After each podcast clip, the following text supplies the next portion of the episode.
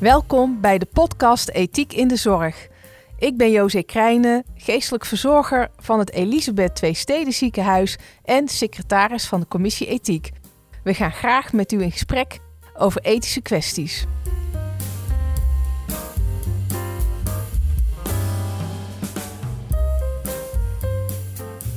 Welkom uh, Andy van Veen.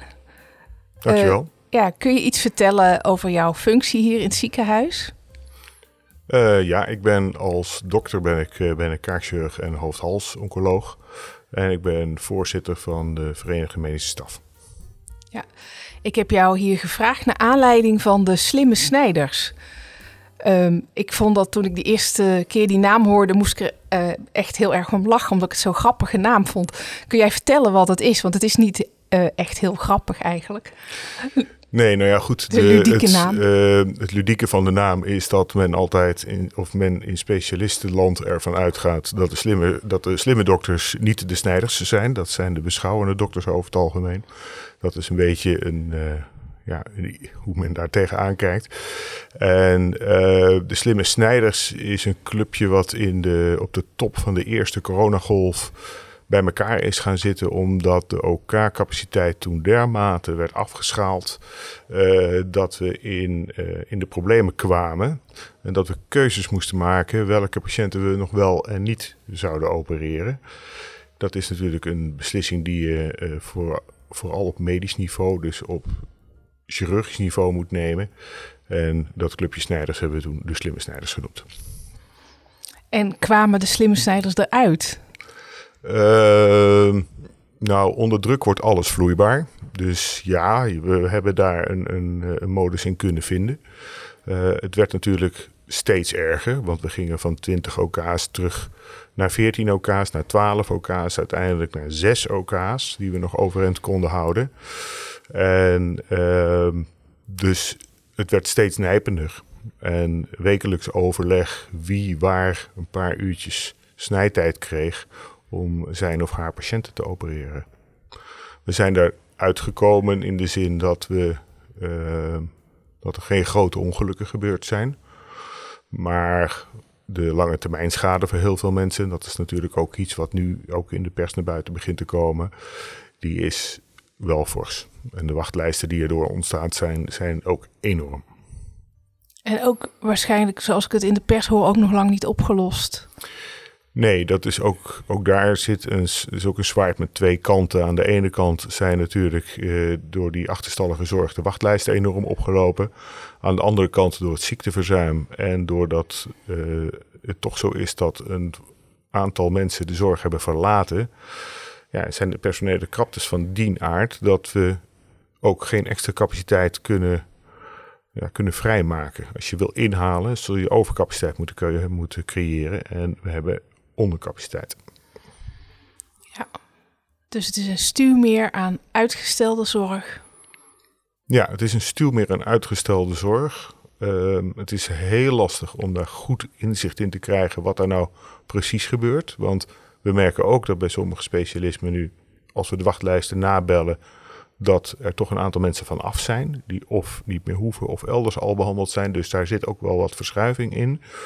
Um, maar dat stuwmeer in combinatie met personele krapte. En natuurlijk het weer opengaan van de maatschappij, waarna vervolgens uh, toch heel veel nieuwe verwijzingen op gang zijn gekomen. Ja, dat maakt het heel lastig. Want ook dat laatste punt, het stuwmeer zat, zit natuurlijk deels bij de ziekenhuizen.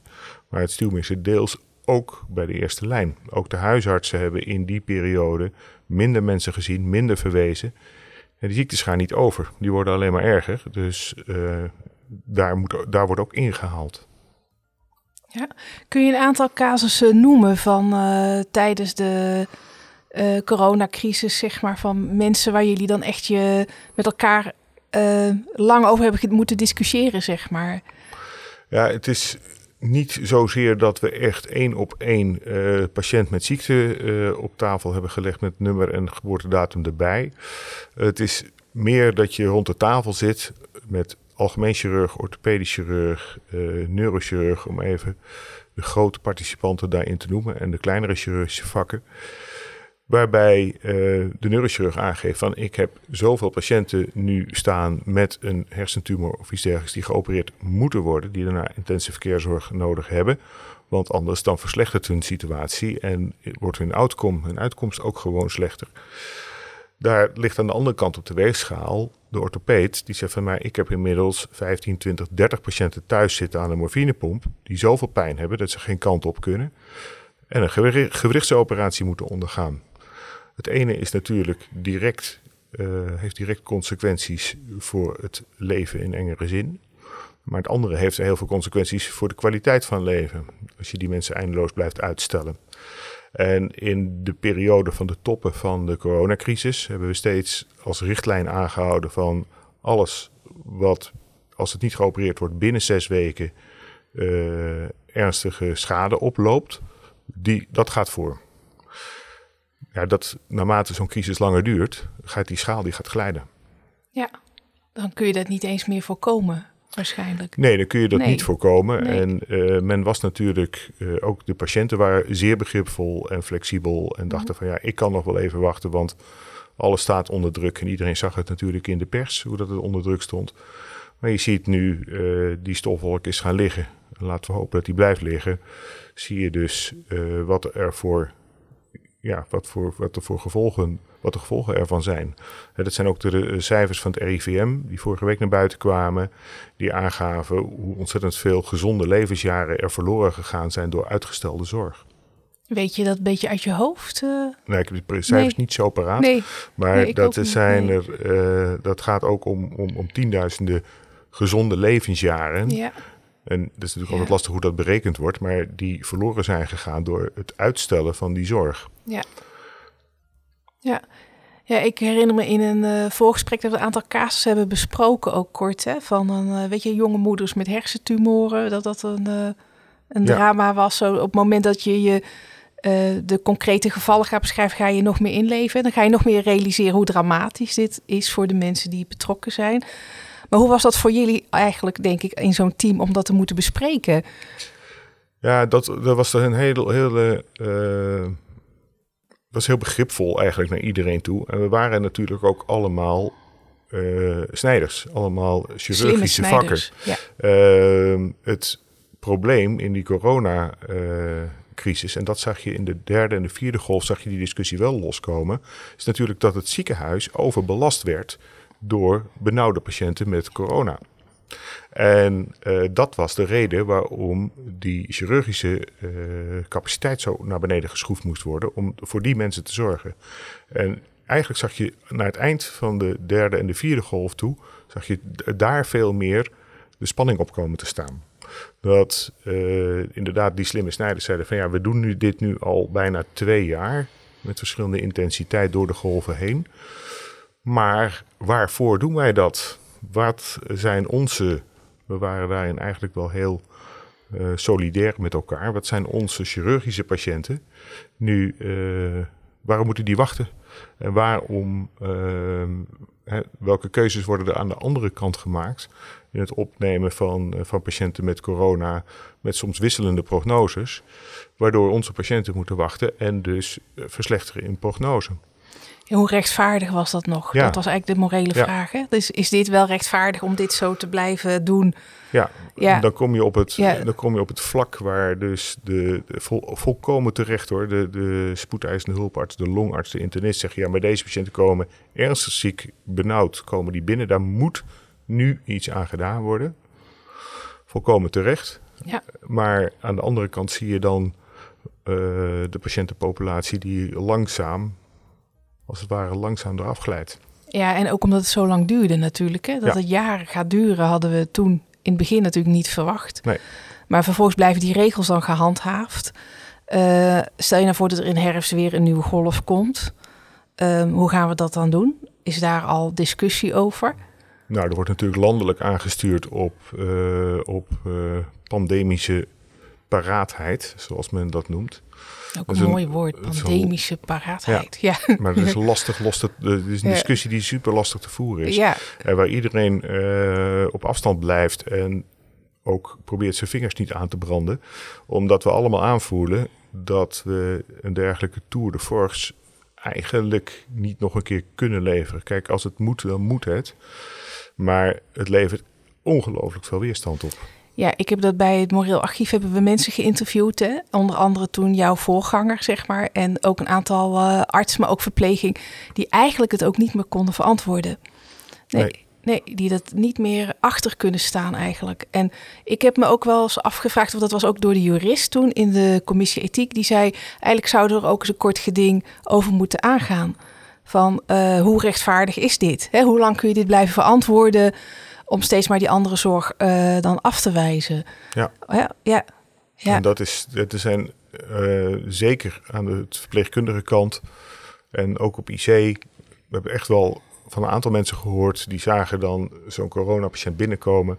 En die konden nou, op een zeker moment al met redelijke betrouwbaarheid zeggen van nou drie, vier, vijf dagen en dan is die er niet meer. Mm -hmm. en, maar in die drie, vier, vijf mm -hmm. dagen wordt er wel een IC-bed uh, ja. bezet. Terwijl ja. je voor een patiënt met een hersentumor heb je één nacht een IC-bed ja. nodig. Ja. Dat betekent dus dat je in die vier, vijf dagen dat die patiënt daar ligt met een matige tot slechte prognose, vier of vijf patiënten met een hersentumor of een andere aandoening had kunnen opereren die daarna nog een heel stuk leven hebben. Hè? Er waren ook natuurlijk heel veel mensen die daarna ook van de IC ook helemaal niet beter afkomen. En wat voor kwaliteit van leven hebben die daarna dan nog? Hè? Ja. En die discussie moet natuurlijk wel gevoerd worden, denk ik. Ja, die discussie moet zeker gevoerd worden. Ja, en worden. ook wel openlijk. Van hoe, ja, het is dan wel hard, maar ja, je kunt nou eenmaal niet alles of zo. We zijn geen goden, denk ik dan. Uh, we kunnen niet iedereen redden, weet je wel? Ja. Nee, het is natuurlijk uiteindelijk is het een maatschappelijke, vooral een maatschappelijke discussie. Um... Maar er moeten wel mensen moeten het doen. Dus dat, ik, het is ook, vind ik, een belasting voor de mensen in de zorg om de hun dat van hun te eisen bijna.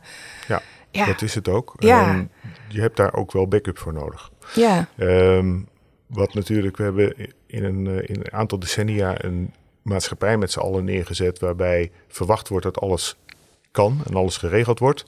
En eh, als er een keer nee komt, of het valt allemaal een keer tegen wat zorg betreft, ja, dan staat men al snel met een wijzend vingertje klaar. En er is altijd wel ergens jurist te vinden eh, die je ja. het leven zuur wil maken. En dat maakt dus ook dat we daar heel erg defensief in geworden zijn.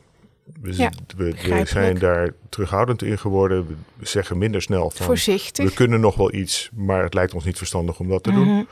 En de maatschappij is veel eisender geworden. Ja, dat eh, is me ook opgevallen in de periode dat ik hier werk. Hoe eisend mensen kunnen zijn. Ja, Ja. ja, ja. Tegelijkertijd zie je ook dat soms mensen, als je het ze goed uitlegt, toch nog heel veel kunnen bewegen. Ja, Ja, maar het, het, het, je gaat op het moment dat je eh, de discussie aangaat met mensen die al in een slechtere gezondheidstoestand zijn van moeten we dit nu nog wel doen? En eh, dan moet je het wel aanvliegen langs die route. En als je het aanvliegt langs die route, we kunnen nog wel iets, maar we hebben geen capaciteit, dus we gaan Mhm. het niet doen.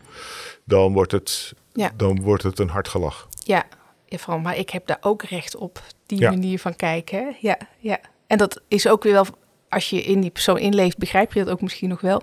Maar eigenlijk raken we nu ook aan dat er dit komende jaren heel veel van dit soort discussies zullen gevoerd moeten worden. Hè? Ja. En als iedereen nu al zo voorzichtig is, dan... Je hebt nu natuurlijk die campagne vanuit de overheid, hè, van omgaan met de dood, hè, zorgen voor de dood. Dus dat je om leert gaan weer met dat we nou eenmaal sterfelijk zijn. Dus dat maakbare, eh, dat het ook een soort ehm, niet kunnen omgaan met rouw is. Hè? Dus met het verlies van dat je... ehm, maar oké, denk ik dan, dan vervolgens is dat nog steeds geen oplossing voor het moment dat iemand hier zit en je moet dan zeggen: nee, we hebben geen capaciteit of we vinden het eigenlijk ook gewoon eh, niet meer zinvol om u nog eh, Ja. te helpen. Ja, ja, Ik weet niet welke kant het op gaat. Mijn gevoel Nee. zegt dat, ehm, dat letterlijk de wal het schip zal moeten keren. En men dus eigenlijk hardhandig op de, met de neus op de feiten gedrukt zal moeten worden. Ehm, als je kijkt naar de cijfers en ook naar het rapport van de Wetenschappelijke Raad voor het regeringsbeleid over de tekorten in de zorg, dan zie je dat het onhoudbaar is. Ja. De dubbele vergrijzing, hè, de, Ja. de babyboomers die nu allemaal veel ouder worden dan wij allemaal eh, werden in het verleden. En tegelijkertijd teruglopende eh, cijfers van de beroepsbevolking. En steeds meer mogelijk zie je dat dat onhoudbaar gaat worden. Dus die discussie die loopt al, maar die moet echt eh, veel, veel duidelijker nog gevoerd worden. En zeker in het publieke domein. ja. Want ehm, in de zorg zijn we eigenlijk alleen maar proberen nog meer lucht eruit te knijpen, waardoor we onze personeel nog meer onder druk zetten. En het risico dat nog meer mensen weglopen en in een andere sector gaan werken, waar ook banen genoeg zijn, wordt daardoor alleen maar groter. En daarmee wordt het probleem ook alleen maar groter. Ja, en wat zijn jouw ideeën daarover dan? Uh, hoe zou jij, uh, zie jij oplossingen, zeg maar, of mogelijkheden om die lucht er minder uit te knijpen en dat publieke debat aan te gaan? Nou, ik denk dat uh, nadenken over zinnige zorg, over de volle breedte van de gezondheidszorg. En dat betekent dus eerste lijn, tweede lijn, maar zeker ook de, de VVT-sector. Dus de sector die daarna zorgt in de verplegende verzorgingshuizen voor de mensen. Um, en daar proactief mee omgaan, dat dat heel belangrijk is. En dat we dat ook aan moeten geven. En wat je al aangeeft, die campagnes die nu gevoerd worden, dat is een begin van een, een, uh, een shift in het denken mm -hmm. aan te zetten het is ook zo, en dat uh, hoorde ik laatst iemand zeggen en realiseer ik me daarna ook. We hebben drie generaties nu achter de rug die eigenlijk geen grote ellende hebben meegemaakt. Geen oorlogen, geen honger. En dat is drie generaties. Dat is eigenlijk in de, in de moderne Europese geschiedenis nog nooit voorgekomen. Dus we zijn er ook niet aan gewend dat het gewoon niet soms tegen kan zitten. En dat de dingen niet uh, gerealiseerd kunnen worden zoals je eigenlijk altijd gewend was. Ja, ik denk dat dat uh, wel ook heel erg klopt. Weinig incasseringsvermogen in die zin met uh, de, de hardheid soms van het bestaan of zo. Hè? Ja. ja, ja, ja. Ja, maar vervolgens blijft het gewoon. Hè? Want je, je, hoe doe je dat nou bijvoorbeeld in zo'n ziekenhuis dan, zo'n publiek debat? Uh, ga je, doe je dat met je patiënt? Doe je dat met je team? Doe je dat, uh, doe je dat in zo'n staf waar jij voorzitter van bent? Ehm, nou, ik denk dat we nu die discussie met, met de ethische commissie, dat we die goed op gang brengen. En uh, dat daarmee in de staf en ook in de verpleegkundige staf die discussie goed gevoerd wordt. Iedereen voelt, voelt natuurlijk aan dat er geen oplossingen zijn. Um, en dat het, dat het zeer gaat doen. Het gaat ergens knellen, schuren en het gaat ergens pijn doen. En um, waar je uiteindelijk, het is denk ik de taak van de overheid om het maatschappelijke uh, debat aan te zwengelen. En dat mag beginnen ze nu voorzichtig een beetje te doen. Maar dat mag denk ik echt wel met wat meer kracht nog. Het is uh, voor politici natuurlijk buitengewoon onhandige boodschap om te brengen. Want je wil vier jaar later herverkozen worden. En dan zit niemand te wachten op dit soort, uh, op dit soort mededelingen. Ja, dat is de zwakte van ons systeem. Ja. ja. En, ja. Maar. De, de, overheid is wel degene die dit maatschappelijke debat aan moet zwengelen. En de overheid is ook uh, verantwoordelijk voor rugdekking voor, van de medici zodat uitgaande van ons eigen uh, verantwoordelijkheidsbesef en ethisch besef, als een dokter een keuze maakt van ik stuur u niet meer naar het ziekenhuis, dat hij dan ook niet bang hoeft te zijn dat hij direct een enorme uh, juridische verantwoording af moet gaan leggen en tot in lengte van jaren door de familie achtervolgd wordt met allerlei brieven van advocaten. Daar daar zou de overheid ook rugdekking in kunnen geven. En meer vertrouwen leggen in de handen van de professional. Want ik denk dat de professionals heel goed in staat zijn, ook al doet het ze zeer, om te zeggen van ja, gezien de omstandigheden en gezien uw uh, conditie heeft dit nu voor u geen zin meer om daar tijd en geld in te steken. Want zo, zo cru is het. Ik denk dat de meeste daarvan best wel voor toegerust zijn om dat te kunnen doen. Maar dan moet er niet achter het gordijn een advocaat staan die je vervolgens het leven zuur gaat maken. Want ja. dan denk je nog, als je dat twee of drie keer hebt meegemaakt, dan denk je de volgende keer wel na en dan denk je, neem maar op, ja. die patiënt. Nou, ik zie dat soms ook wel als overweging hoor. Dat mensen, uh, we, we, doen natuurlijk veel moreel beraden op afdelingen. En dat uh, als de artsen erbij zijn, dat ze ook zeggen, ja, maar het komt toch heel nauw, weet je. Dus die wilsbekwaamheid, dat zijn van die ingewikkelde dingen, zolang meneer of mevrouw nog zegt, maar die, terwijl je eigenlijk al wel weet dat het ja, weet je, dus dat je dat zo moet toetsen, dat dat eigenlijk zo lang duurt, terwijl dan uh, eigenlijk iedereen al lang ziet dat het helemaal geen zin meer heeft hè, om nog door te gaan. Maar als je dat niet doet, dan krijg je gewoon een hoop gedonder. Ja. Hè? Dus je moet je indekken, maar daardoor ja, durf je dan ook knopen niet altijd door te hakken. Ja, je kunt het met collega's misschien oplossen. En er was ook de roep om protocollen hè, van... Uh, we hadden pas geleden dat iemand zei, nou, eigenlijk moet de overheid gewoon stel boven de 85 niet meer opereren. En dat zijn natuurlijk eigenlijk lastige criteria. Hè, soms zijn mensen van 50 of 60 ook niet de moeite waard om nog te opereren. En soms is een 85-jarige kan nog 10 goede jaren hebben. Is dat, moet je iemand dat dan ontnemen? Ja.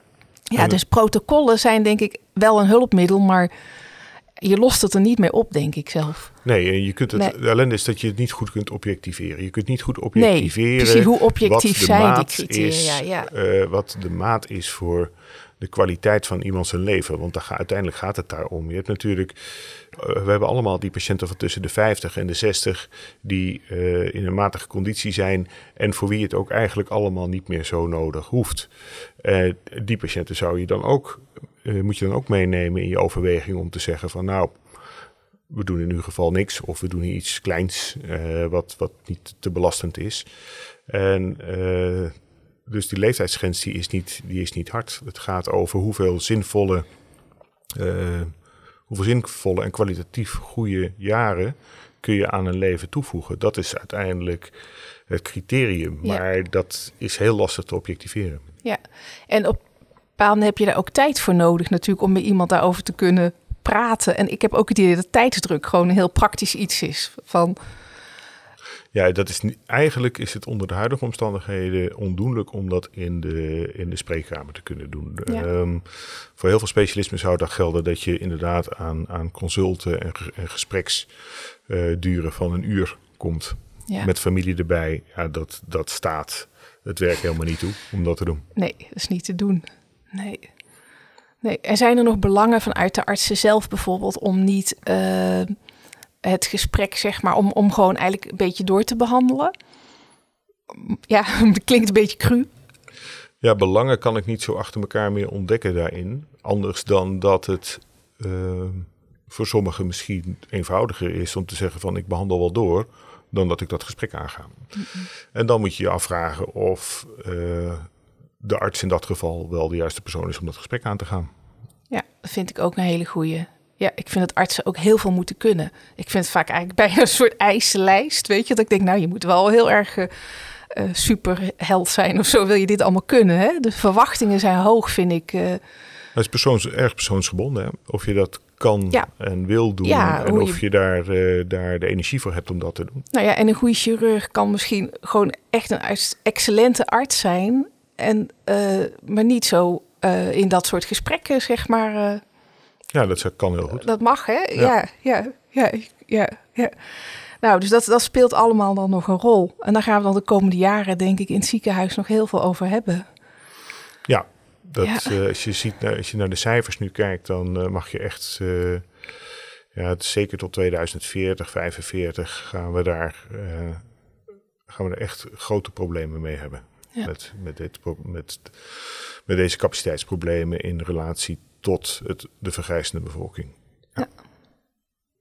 Dus dat wordt spannend. Ja. Ja. Ook wel uitdagend. Zeker, ja, vind ik ook. Ja. En op zich is het wat minder maakbaarheid, denk ik. Het hoeft uh, helemaal niet uh, erg te zijn voor de kwaliteit van leven. Nee, maar dat is een, natuurlijk een beetje een filosofische ja. overweging... Ja. die uh, voor velen heel invoelbaar is... Maar op het moment dat je in de spreekkamer tegenover een patiënt zit en je in feite moet zeggen van we kunnen wel wat doen, maar we gaan het niet doen. Dat, uh, ja, daar komt het allemaal bij elkaar. Op dat moment komt het allemaal bij elkaar. Ja, dat is het, uh, ja, het brandpunt eigenlijk. Hè? Ja. Van uh, wat doe je dan? Ja. ja. Dankjewel. Graag gedaan. Ja.